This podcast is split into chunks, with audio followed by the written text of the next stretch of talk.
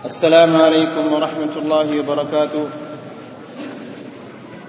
إن الحمد لله نحمده ونستعينه ونستغفره ونعوذ بالله من شرور أنفسنا وسيئات أعمالنا. من يهده الله فلا مضل له ومن يضلل فلا هادي له. أشهد أن لا إله إلا الله وحده لا شريك له. وأشهد أن محمدا عبده ورسوله. يا أيها الذين آمنوا اتقوا الله حق تقاته ولا تموتن إلا وأنتم مسلمون. يا أيها الناس اتقوا ربكم الذي خلقكم من نفس واحدة وخلق منها زوجها وبث منهما رجالا كثيرا ونساء. واتقوا الله الذي تساءلون به والأرحام. إن الله كان عليكم رقيبا. يا أيها الذين آمنوا اتقوا الله وقولوا قولا سديدا. يصلح لكم أعمالكم ويغفر لكم ذنوبكم. ومن يطع الله ورسوله فقد فاز فوزا عظيما. أما بعد فإن أحسن الكلام كلام الله وخير الهدى هدى محمد صلى الله عليه وسلم. وشر الأمور محدثاتها فإن كل محدثة بدعة وكل بدعة ضلالة وكل ضلالة في النار. أخواني في الدين عزكم الله بابا بابا الإبو إبو يعني رحمة الله الحمد لله كتاب الشكر kepada الله سبحانه وتعالى yang mengumpulkan kita pada malam hari ini di salah satu rumah Allah untuk kita mengkaji firman-firman Allah serta memahami hadis-hadis Rasulullah sallallahu alaihi wasallam. Akhwani fi din azzakumullah. Bapak-bapak dan ibu-ibu yang dirahmati Allah. Agama kita ini agama Islam menganjurkan kepada kita agar kita rajin-rajin menuntut ilmu. Sebagaimana Rasulullah sallallahu alaihi wasallam di dalam hadisnya menjelaskan talabul ilmi fariidatun ala kulli muslim. Menuntut ilmu adalah wajib atas setiap muslim. Karena apabila kita menuntut ilmu maka kita dapat mengenal hak-hak Allah Subhanahu wa taala sehingga kita jalankan dan kita mengenal hak-hak Rasulullah sallallahu alaihi wasallam. Di antara hak-hak Rasulullah sallallahu alaihi wasallam adalah kita mempelajari sejarahnya.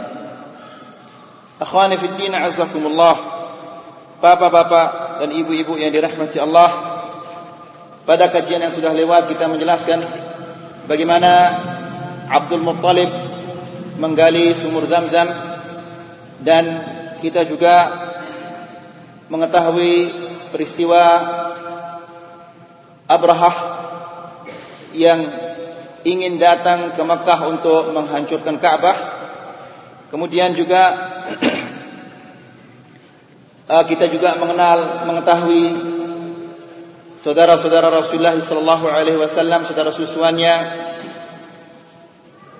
Kemudian juga kita membahas sedikit bagaimana Rasulullah sallallahu alaihi wasallam ketika dia berada di desanya Halimah As-Sa'diyah dan itu insya Allah yang kita akan mulai malam ini.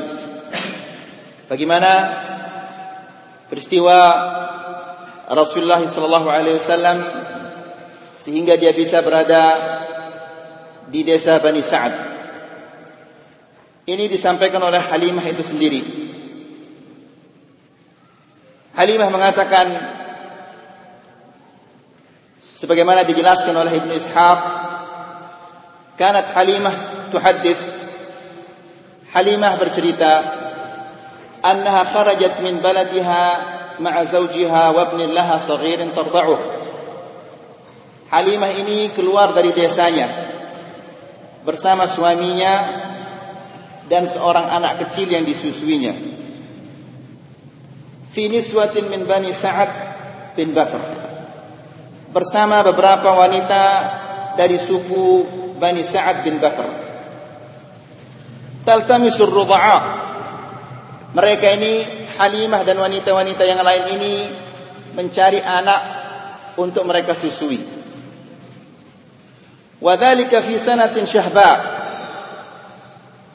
Tahun itu adalah tahun yang syahba yang tidak turun hujan dan tumbuh-tumbuhan sudah habis mati. Kering kerontang. Hujan tidak pernah turun. Lam tubqi lana syai'a. Kekeringan ini tidak menyisakan kita apa-apa. Bekal hidupnya sudah habis.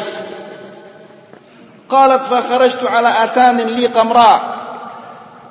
Halimah mengatakan saya keluar dari desa saya ini dengan menggunakan atan. Atan itu adalah himar yang betina. Qamra. Agak keabu-abuan warnanya. Ma'ana syarifin lana. Kami juga membawa seekor onta yang tua. Onta ini sebagai bekalnya. Ya. Jadi apabila di tengah jalan dia kelaparan, diperah ontanya ini kemudian diminum susunya. Jadi onta ini dibawa sebagai bekal di tengah jalan.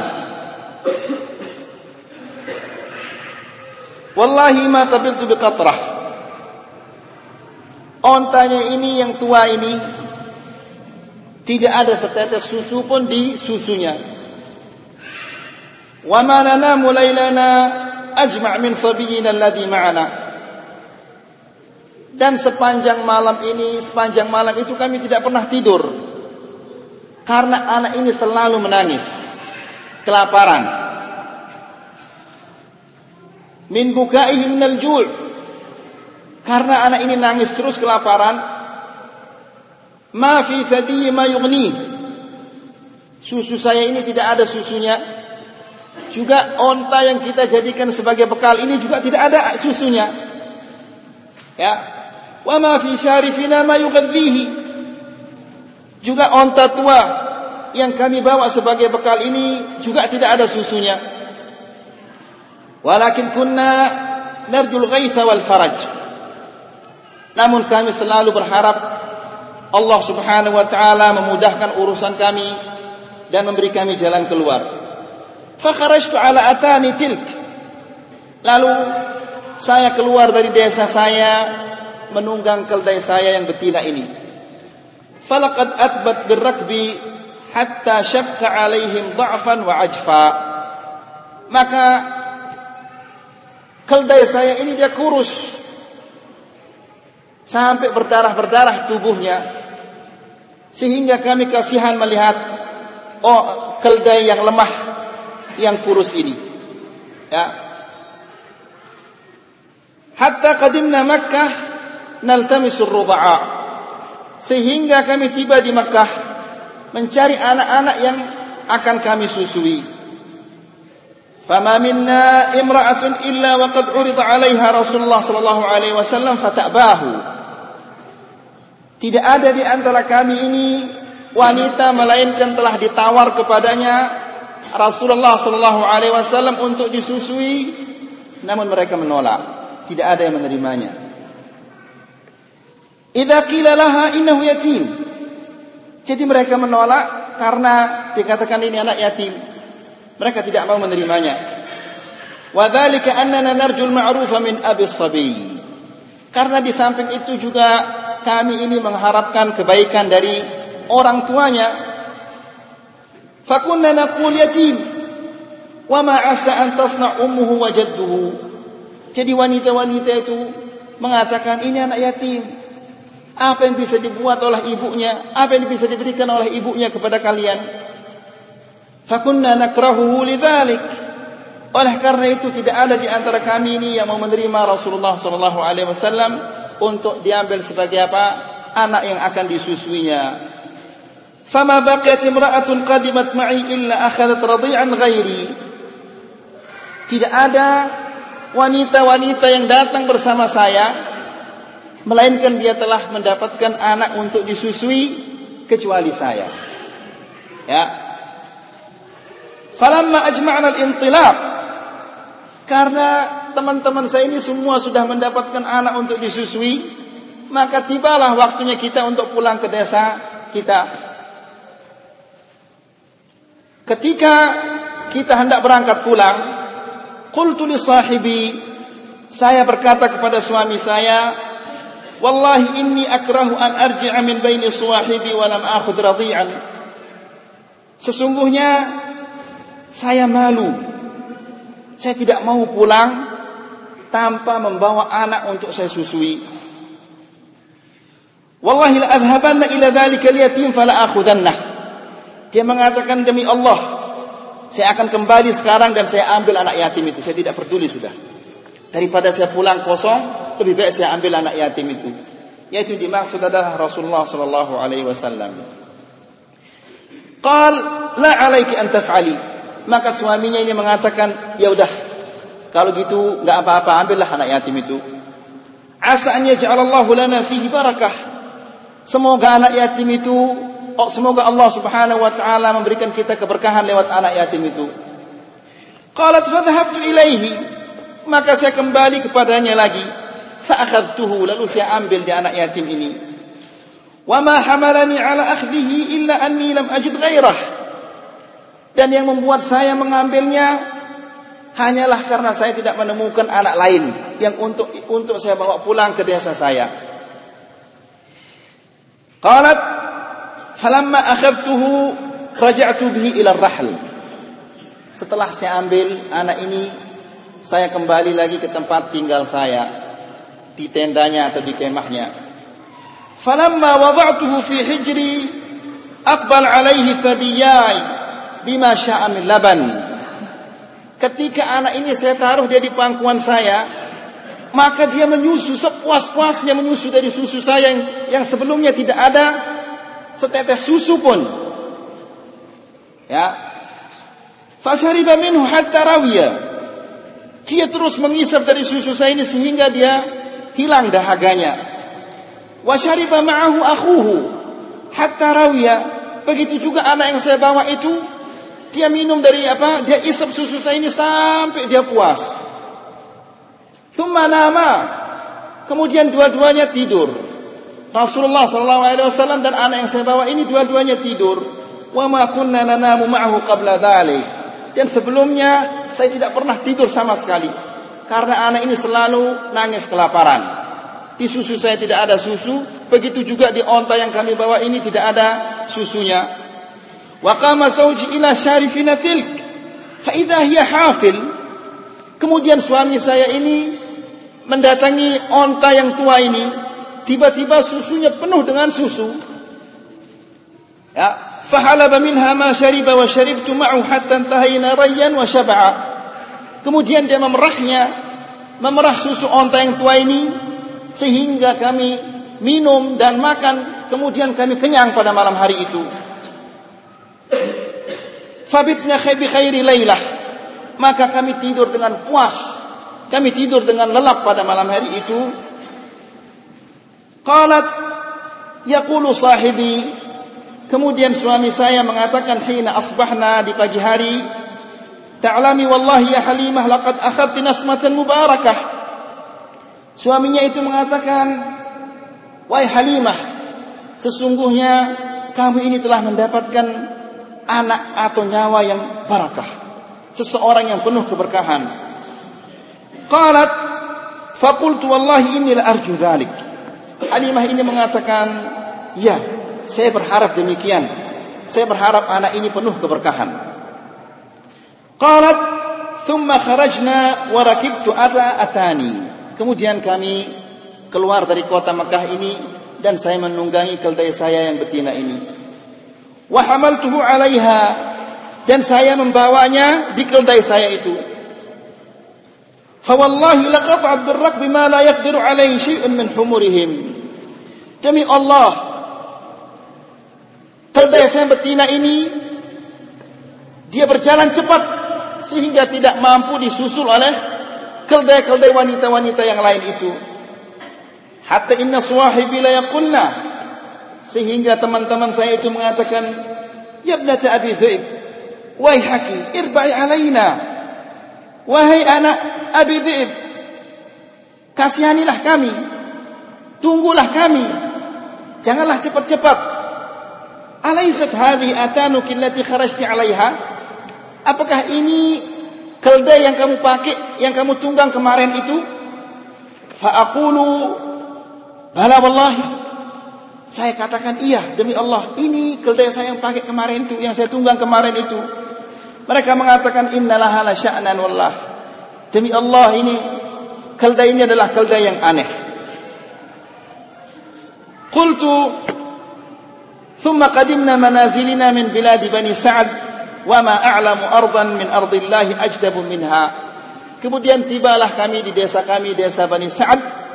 Demi Allah, tidak ada desa yang lebih kering dari desa kami ini. Fakana ghanami mitaruh alaina hina qadimna bihi ma'ana shuba'an lubbana. Ketika kami datang, kambing-kambing kami ini kembali di sore hari dalam keadaan kenyang dan susunya penuh dengan air susu. Padahal desa kami ini adalah desa yang kering kerontang. Fahalaba fahalaba fahalaba fanahlabu wa nashrab wa ma yahlubu insanan qatratu laban. Maka kami memerah susunya dan kami minum air susunya dan demi Allah tidak ada satu orang pun di desa kami ini yang dapat memerah susu kambingnya kemudian wala yajiduha fi dhur'in hatta kana al-hadiruna min qaumina yaquluna sehingga orang-orang yang memiliki kambing-kambing di desa kami itu berkata kepada pengembala mereka, "Wailakum israhu haitsu yasrah ra'i bani Abi Dzib." Cobalah kalian mengembala di mana Ibnu Abi Dzib itu mengembala. Karena kambingnya dia itu apabila kembali di sore hari dalam keadaan apa kenyang dan susunya penuh dengan air susu. Sementara kambing-kambing mereka itu pulang ya seperti biasa. Dalam keadaan lapar, susunya tidak ada air susunya. Maka mereka mengatakan kepada pengembala-pengembala itu, cobalah kalian gembala di mana Ibnu Abi Dzib itu mengembala supaya kalian bisa apa? Supaya kambing-kambing ini bisa makan dan supaya kita bisa minum susunya. Qal fanaruh fataruhu aqnamuhum jia'an ma tabiddu biqatrati laban. Namun tetap saja kambing-kambing mereka apabila kembali di sore hari dalam keadaan lapar dan tidak ada susunya. Wa taruhu qanami syuba'an lubbana. Adapun kambing-kambing saya dia kembali dalam keadaan kenyang dan penuh, susunya penuh dengan susu. Kemudian falam nazal nata'arrafu min Allah ziyadah wal khair hatta madat sanatahu wa fasaltuhu. Kami senantiasa melihat keberkahan anak ini sehingga dia berusia dua tahun maka kami apa menghentikannya disapih dihentikannya menyusu. Wa kana yashubbu shababan la yashubbuhu al-ghulman. Rasulullah sallallahu alaihi wasallam ini yashubbu dia menjadi apa menjadi dia besar tidak seperti kawan-kawannya yang lain falam yablugh sanatain hatta kana ghulaman jafra Nabi sallallahu alaihi wasallam dia berusia dua tahun dia sudah menjadi anak yang apa yang kuat dan bahunya kuat tidak seperti kawan-kawannya yang lain. Itu ceritanya Halimah As-Sa'diyah ketika dia mengambil Rasulullah sallallahu alaihi wasallam. Halimah ta'ti bin Nabi sallallahu alaihi wasallam ila ummihi wa usratihi kulla sittati ashhur. Halimah ini selalu membawa Rasulullah sallallahu alaihi wasallam ke ibunya dan ke keluarganya setiap enam bulan dibawa kembali ke Mekah untuk dia berkunjung ke ibunya dan keluarga-keluarganya.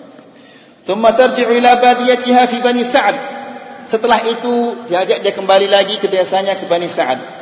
Muddatur radha'a wa fatamathu, ja'at ila ummihi wa harasat ala baqaihi 'indaha. Setelah dia berhenti nyusu Rasulullah sallallahu alaihi wasallam ini dibawa dia kembali ke Mekah oleh Halimatus Sa'diyah akan tetapi dia minta lagi kepada ibunya untuk tinggal di desa kami. Biarkanlah dia tinggal lagi di desa kami. Kenapa? Karena lima ra'at minal barakati wal khair. Karena dia melihat keberkahan-keberkahan anak ini sehingga dia minta kepada ibunya agar dibiarkan dia tinggal lebih lama lagi di desa Bani Sa'ad. Fatalabat min ummi Nabi sallallahu alaihi wasallam an tutrakahu an tatrukahu indahu hatta yaghlab. Dia mengatakan kepada ibunya, biarkanlah Muhammad ini tinggal dulu di desa kami supaya dia semakin kuat di desa kami. Fa inni fa innaha takhafu alaihi waba waba Makkah. Karena juga saya mengkhawatirkan anak ini jangan-jangan dia terkena dengan penyakit-penyakit yang ada di kota Mekah ini. Faradiyat ummu, maka ibunya setuju dibiarkan dia kembali lagi ke desa Bani Sa'ad. Waraja'at bi Halimah ila baitiha mustabshirah masrurah. Halimah ini membawa Rasulullah sallallahu alaihi wasallam kembali ke desanya dalam keadaan gembira. Senang Rasulullah sallallahu alaihi wasallam kembali lagi ke desanya. Wa baqiya an-nabiy sallallahu alaihi wasallam indaha ba'da dhalika nahwa sanatain. Maka setelah itu Rasulullah sallallahu alaihi wasallam tinggal di desa Bani Sa'ad ini di desanya Halimah ini dua tahun. Thumma waqa'at hadithatun gharibah. Kemudian terjadilah peristiwa yang sangat aneh. Peristiwa yang menimbulkan ketakutan di dalam hati Halimah dan suaminya sehingga mereka mengembalikan Rasulullah SAW kembali ke ibunya lagi. Peristiwa yang aneh ini adalah peristiwa syaqqu sadrihi sallallahu alaihi wasallam, peristiwa pembelahan dada Rasulullah sallallahu alaihi wasallam. Peristiwa pembelahan dada ini diceritakan oleh Anas bin Malik radhiyallahu anhu. Anas bin Malik radhiyallahu anhu mengatakan, "Inna Rasulullah sallallahu alaihi wasallam atahu Jibril." Rasulullah sallallahu alaihi wasallam didatangi oleh Jibril wahwa yal'abu ma'al ghilman. Di saat itu Rasulullah sallallahu alaihi wasallam bermain bersama anak-anak kecil. Fa akhadahu fa sara'ahu. Lalu Jibril mengambil Rasulullah sallallahu alaihi wasallam dan dibaringkan. Ya. Fashaqqa an qalbihi, lalu dibelah dadanya. Fastakhrajal qalb. Lalu diambil jantungnya atau hatinya Rasulullah sallallahu alaihi wasallam. Fastakhraja minha 'alaqah lalu dari hatinya ini atau dari jantungnya ini dikeluarkan segumpal darah. Faqala hadha hadus syaitani mink. Lalu malaikat itu Jibril itu mengatakan ini adalah jatah atau bagian syaitan darimu. Lalu dibuang. Thumma ghasalahu fi tustin min dhahab bima zamzam. Lalu hatinya ini dicuci. Ghasalahu fi tus di baskom bima zamzam dengan air zamzam. Thumma la'amahu, kemudian dikembalikan lagi dadanya ini.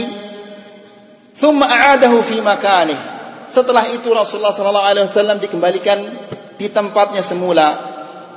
Waja'al ghilman yas'auna ila ummihi. Teman-teman yang kecil-kecil itu pada berlari, lari ngelapor kepada ibu susuan mereka. Faqalu inna Muhammadan qad qutil. Mereka mengatakan sesungguhnya Muhammad sudah mati, dibunuh. Karena dilihat Muhammad dibaringkan, lalu mereka pergi ngelapor kepada Halimah dengan mengatakan bahwa Rasulullah sallallahu alaihi wasallam ini sudah terbunuh. Fastaqbaluhu wa huwa. Maka Halimah bersama anak-anak ini datang menghampiri Rasulullah sallallahu alaihi wasallam, ditemukan Rasulullah sallallahu alaihi wasallam ini warnanya sudah berubah, pucat, warnanya berubah. Qala Anas Anas mengatakan waqad kuntu ara athara dhalika al-makhit fi sadrihi. Anas mengatakan saya melihat bekas-bekas jahitan itu ada di dadanya Rasulullah sallallahu alaihi wasallam. Kemudian ورجع النبي صلى الله عليه وسلم بعد هذه الحادث إلى أمه Setelah peristiwa ini Rasulullah sallallahu alaihi wasallam kembali ke pangkuan ibunya.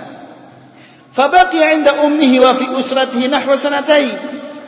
Maka dia berada di tengah keluarganya, di tengah ibunya dan keluarganya selama dua tahun. Thumma safarat ma'ahu ila thumma safarat ma'ahu ummuhu ila. Kemudian dia diajak oleh ibunya untuk musafir ke Madinah. Haitsu qabra walidihi wa akhwalu jaddihi Banu Adi bin bin Najjar. Diajak dia berkunjung mengunjungi mengunjungi kubur bapaknya dan keluarga-keluarga kakeknya dari suku Bani Najjar di kota Madinah. Wa kana ma'aha qayyimuha Abdul Muttalib. Ketika mereka musafir itu mereka ditemani oleh kakeknya yaitu Abdul Muttalib. Ya, yang menemani mereka. Wa khadimatuha Ummu Aiman dan juga mereka ditemani oleh pembantunya yang bernama Ummu Aiman. Famakathat syahran thumma raja'at. Mereka tinggal di Madinah selama satu bulan, kemudian mereka kembali lagi ke kota Makkah. Wa bainama hiya fi tariqi lahiqaha al-marad. Ketika ibunya ini berada di tengah jalan, maka dia didatangi oleh penyakit. Ya, ditimpa oleh penyakit. Dan penyakitnya ini terus-menerus menjadi apa? Menjadi semakin parah, semakin parah terus.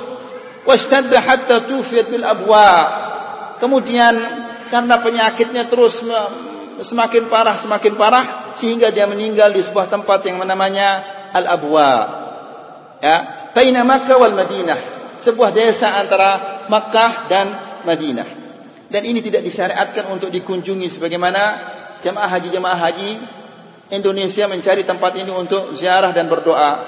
Ini adalah tempat yang tidak disyariatkan untuk dikunjungi. Wadufinat hunak dan dia dikuburkan di kota di kota Al Abwa ini. Akhwani fi din azakumullah. وعاد به صلى الله عليه وسلم جده عبد المطلب إلى مكة maka Rasulullah Shallallahu Alaihi Wasallam ini dibawa pulang oleh kakeknya yang bernama Abdul Muttalib. Wahwa yashuru bi'amati qalbihi shiddat alam al-musab al-jadid. Dan dia merasakan betapa sakitnya penderitaan kak cucunya yang baru ini. Ya, ibunya meninggal. Jadi dia rasakan sekali betapa beratnya penderitaan yang diterima oleh cucunya ini. Farqa alaihi riqqatan lam yarqha ala ahadin min auladihi. Maka dia sayang sekali kepada Rasulullah sallallahu alaihi wasallam. Dia limpahkan kasih sayangnya kepada Rasulullah sallallahu alaihi wasallam tidak pernah ia limpahkan kepada anak-anaknya. Fakana yu'azzimu qadrah. Abdul Muttalib ini dia memuli, sangat memuliakan Rasulullah sallallahu alaihi wasallam wa yuqaddimuhu ala auladih dan lebih mengutamakan Rasulullah sallallahu alaihi wasallam daripada anak-anaknya yang lain. Wa kana yukrimuhu ghayatul ikram dan dia sangat memuliakannya, dimuliakan lebih daripada ia memuliakan anak-anaknya yang lain. Wa yujlisu ala firashih dan Abdul Muttalib ini sering mendudukkan Rasulullah sallallahu alaihi wasallam di atas kasurnya. Abdul Muttalib ini adalah sebagaimana kita katakan orang yang sangat terhormat di kota Makkah. Tidak ada orang telah mencapai kemuliaan sebagaimana yang dicapai oleh Abdul Muttalib. Abdul Muttalib ini mempunyai kebiasaan di pagi hari ya karena kota Makkah ini adalah kota yang panas, maka di pagi hari itu udara kota Makkah ini begitu enak. Ya, mungkin karena angin dari gunung-gunung ini bertiup dari sana sini sehingga apa namanya cuaca di pagi hari di kota Mekah itu sangat enak. Maka Abdul Muttalib ini punya kebiasaan digelarkan dia karpet di depan Ka'bah. Tidak ada orang yang berani duduk di sana. Tidak ada seorang pun diizinkan untuk duduk di sana kecuali Abdul Muttalib. Anak-anaknya pun tidak diizinkan untuk duduk di sana. Ya. Maka suatu hari Rasulullah SAW duduk di karpet yang dikelarkan untuk Abdul Muttalib, maka orang-orang melarangnya. Abdul Muttalib mengatakan, biarkan. Da'u ibni hadha fa inna lahu sya'nan. Biarkan anak itu. Karena suatu hari anak ini akan menjadi orang yang hebat, katanya. Kata Abdul Muttalib. Wa yujlisu ala firashil khas. Alladhi lam yakun yajlis alaihi ghairuh. Dan Abdul Muttalib ini selalu mendudukkan Rasulullah sallallahu alaihi wasallam di karpet yang digelarkan khusus untuk dia. Ya. Pembesar-pembesar Quraisy pun tidak ada yang berani duduk di karpetnya Abdul Muttalib itu kecuali Rasulullah sallallahu alaihi wasallam. Wa yamsahu ala dhahri. Abdul Muttalib ini senang apa? Mengusap punggungnya Rasulullah sallallahu alaihi wasallam. Wa yasurru ma yarahu yasna. Dan dia senang melihat tingkah lakunya Rasulullah sallallahu alaihi wasallam. Wa ya'taqid anna lahu sya'nan 'aziman fil mustaqbal dan dia meyakini bahwa Rasulullah sallallahu alaihi wasallam ini akan mencapai suatu urusan yang sangat besar pada masa depan nanti. Walakinnahu tufiya ba'da sanataini hina kana umruhu thamani sanawat. Akan tetapi Rasulullah sallallahu alaihi wasallam baru saja sempat merasakan kasih sayang dari kakeknya ini dua tahun, tiba-tiba kakeknya ini mati, meninggal dunia. Ya, jadi menderita-menderita terus Rasulullah sallallahu alaihi wasallam baru mendapatkan kasih sayang dari ibunya, tidak lama ditinggal oleh ibunya. Kemudian baru saja dia mendapatkan apa? Merasakan kasih sayang dari kakeknya, tiba-tiba kakeknya ini meninggal dunia. Setelah kakeknya ini meninggal dunia, qama bi kafalatihi sallallahu alaihi wasallam ammuhu syaqiq abi Abu Talib, syaqiq abi. Maka dia dipelihara oleh pamannya, saudara bapaknya yaitu Abu Talib. Wakhtassahu bifadli rahmati wal mawaddah. Abu Talib ini mengutamakan Rasulullah sallallahu alaihi wasallam dengan penuh kasih sayang. Wa kana muqillan minal mal. Abdul Abu Talib ini tidak seperti Abdul Muttalib. Abdul Muttalib orang kaya kalau Abu Talib ini adalah orang yang hartanya sedikit. Tidak kaya sekaya Abdul Muttalib. Fabarakallahu fi qalilih akan tetapi Allah Subhanahu wa taala memberkahi hartanya yang sedikit itu. Hatta kana ta'amul wahidi yushbi'u jami' usratih. Sehingga makanan jatah atau porsi satu orang itu mencukupi semua keluarganya. Ya, karena keberkahan Rasulullah sallallahu alaihi wasallam. Wa kana Rasul sallallahu alaihi wasallam mithal al-qana'ati was sabr. Dan Rasulullah sallallahu alaihi wasallam selama dia berada di rumahnya Abdul Muttalib ini dia merupakan teladan yang baik. Rasulullah sallallahu alaihi wasallam teladan di dalam qanaah menerima apa adanya. Ya, dia tidak mencari yang lebih dari itu. Apa yang diberikan oleh pamannya itulah yang diterima. Sifat qanaah. Wa yaktafi bima qaddarahu Allah lah. Dan dia mencukupi dirinya dengan apa yang Allah berikan kepadanya. وأراد أبو طالب أن يخرج بتجارة إلى الشام في عيد قريش Suatu hari Abu Talib ini ingin melakukan perniagaan ke negeri Syam. Ya, bersama kafilah kelompok pedagang dari suku Quraisy ingin berniaga ke negeri Syam. Wa kana umru sallallahu alaihi wasallam 12 sanah. Saat itu Rasulullah sallallahu alaihi wasallam berusia 12 tahun. Wa qila wa syahrain wa asharat ayyam. Ada yang mengatakan juga 12 tahun, 2 bulan dan 10 hari. Fasta'zama Rasulullah sallallahu alaihi wasallam firaqahu. Rasulullah sallallahu alaihi wasallam merasa berat untuk meninggalkan ditinggal oleh Abu Talib ini Faraqqa alaihi wa akhadahu ma'ahu. Maka Abu Talib ini dibawalah apa keponaannya ini bersamanya untuk pergi berniaga ke negeri Syam. Falamma nazala ar-rakbu qariban min Madinati Busra Ketika kelompok pedagang ini sampai di sebuah tempat yang namanya Busra. Busra ini bukan Basra. Kalau Basra itu ada di mana? Di Irak. Busra ini ada di Syam. Ya, Ketika kelompok pedagang ini sampai di sebuah tempat yang namanya Busra ala masyarif Syam di sebuah dataran tinggi di kota Syam kharaja ilaihim ahadu kibarur ruhban. Tiba-tiba mereka disambut oleh seorang pendeta yang sangat besar. Wahwa Bahira rahib. Pendeta ini namanya Bahira. Fatakhallala fil rakbi hatta wasala ila Rasulullah sallallahu alaihi wasallam.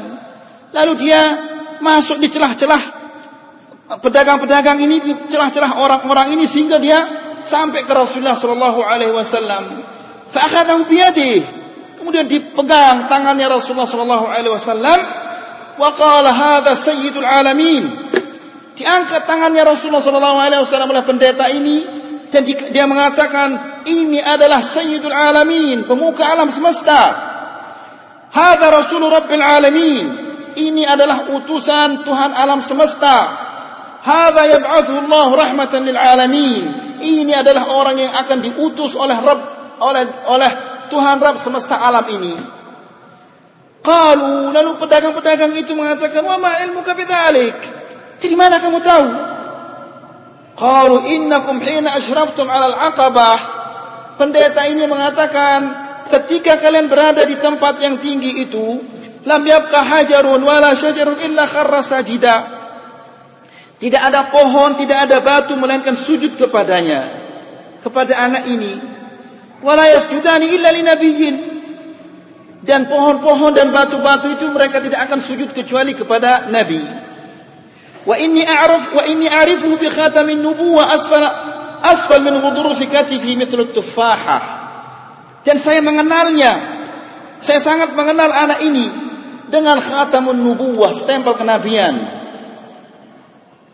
Asfala min ghudrufi katifi, di bawah tulang rawan pundaknya.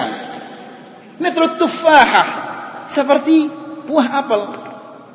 Wa inna najiduhu fi kutubina dan anak ini sudah tercantum di kitab-kitab kami. Qal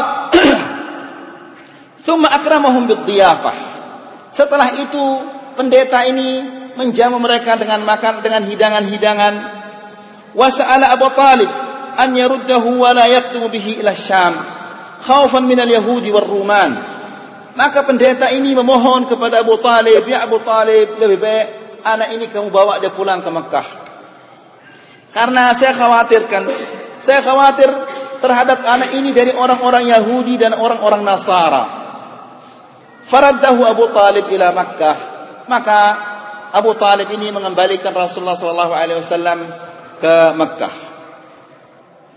Akhwani fi din azakumullah.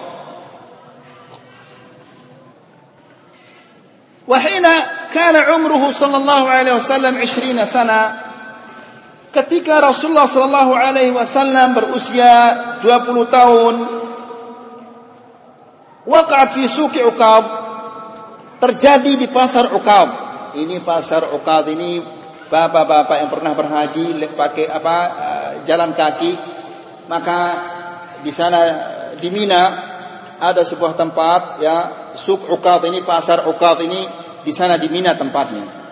Jadi kalau bapak berhaji apa uh, istilah mereka di Mekah itu berhaji koboi katanya, yang tidak tidak lewat maktab ya.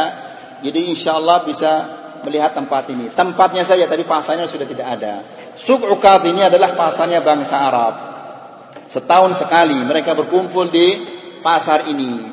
Ya, di tahun itu mereka menciptakan apa syair-syair baru lalu mereka uh, baca di sana. Ya, mereka juga bawa dagangan-dagangan mereka lalu mereka dagang jual di tempat ini ya. Namanya Suk Ukad. Ini ada di Mina. Sebelum sebelumnya itu ada ada desa namanya Aziziyah di sana ada mall mall Ukab bukan dia ini. Ya ada sebuah mall di sana namanya mall ini namanya juga Suk Ukab pasar Ukab tapi bukan dia. Suk Ukab ini berada di sana di di Mina. Ya. Dekat tempat penyembelihan uh, Majzarah tempat penyembelihan itu nah terjadi di Suk Ukab ini harbun baina qabail Quraisy wa Kinana min jiha wa baina qabail Qais Ailan min jiha.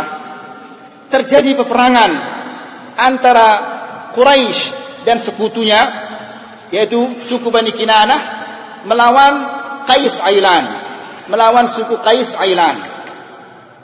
Ya. Ishtadda fiha al-ba's. Terjadi peperangan yang sengit antara mereka wa qutila adadun minal fariqain dan banyak yang terbunuh dari dua belah pihak ini. Thumma istalahu. Setelah itu mereka berdamai. Ala an yuhsu qatl al-fariqain. Faman wajada qatlahu akthar akhadha diyat az-zaid. Mereka berdamai dengan catatan siapa-siapa di antara dua belah pihak ini yang anggotanya lebih banyak terbunuh dia menerima diyah tebusan.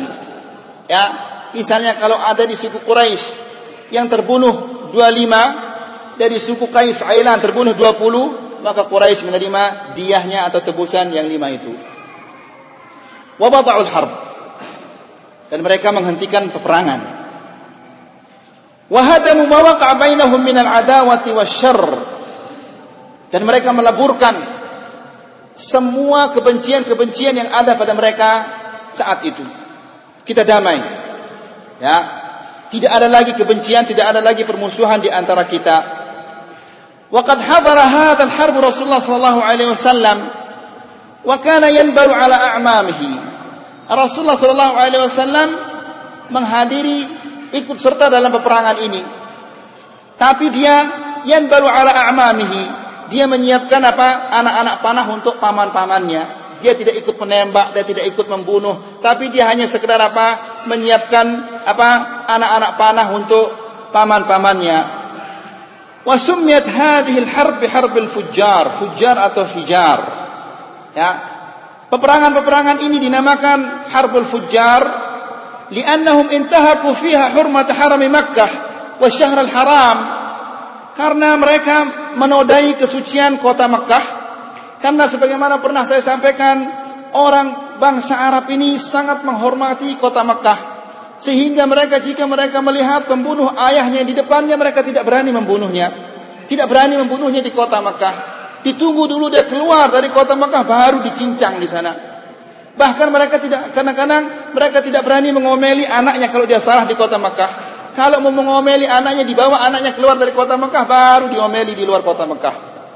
Ya, demikian mereka menghargai kota Mekah itu. Nah, mereka-mereka ini menodai kehormatan kota Mekah. Mereka berperang di kota Mekah dan mereka juga berperang di bulan-bulan yang diharamkan mereka berperang, yaitu Muharram dan Rajab Dzulqa'dah dan Dzulhijjah. Ini namanya Ashurul Hurum. Tidak boleh mereka berperang, tidak boleh menumpahkan darah di bulan-bulan yang empat ini. Nah, mereka ini melanggar semua ini sehingga mereka dinamakan apa? Harbul Fujjar. Peperangan-peperangan orang yang fajir. Fujjar itu jamak daripada fajir. Fajir artinya orang yang merusak. Ya, ini perang perangannya orang yang merusak. Wal fujjaru arba'ah fi kulli sanah. Peperangan ini terjadi empat kali di setiap tahun. Wahadi akhiruha. Dan inilah peperangan yang terakhir. Intahat thalathatil ula ba'da khisamin wa tafif. Yang pertama, kedua, ketiga berakhir dengan apa pertengkaran dan perkelahian biasa-biasa saja. Walam yaqa' fiha qital. Tidak ada peperangan. Yang terakhir inilah baru terjadi peperangan. Yang pertama, kedua, ketiga ini hanya sekedar apa perkelahian-perkelahian biasa, namun yang keempat ini terjadi peperangan, terjadi pertumpahan darah. Ya, ini namanya harbu al-fujjar. Akhwani fi din azakumullah. Kemudian wa fi syahri dzil ala ithri hadhihi al-harb tamma hilf al-fudul. Pada bulan dzil qa'dah setelah selesai peperangan Al-Fujjar ini, terjadilah sebuah perjanjian yang sangat terkenal yang disebut dengan Hilful Fudul.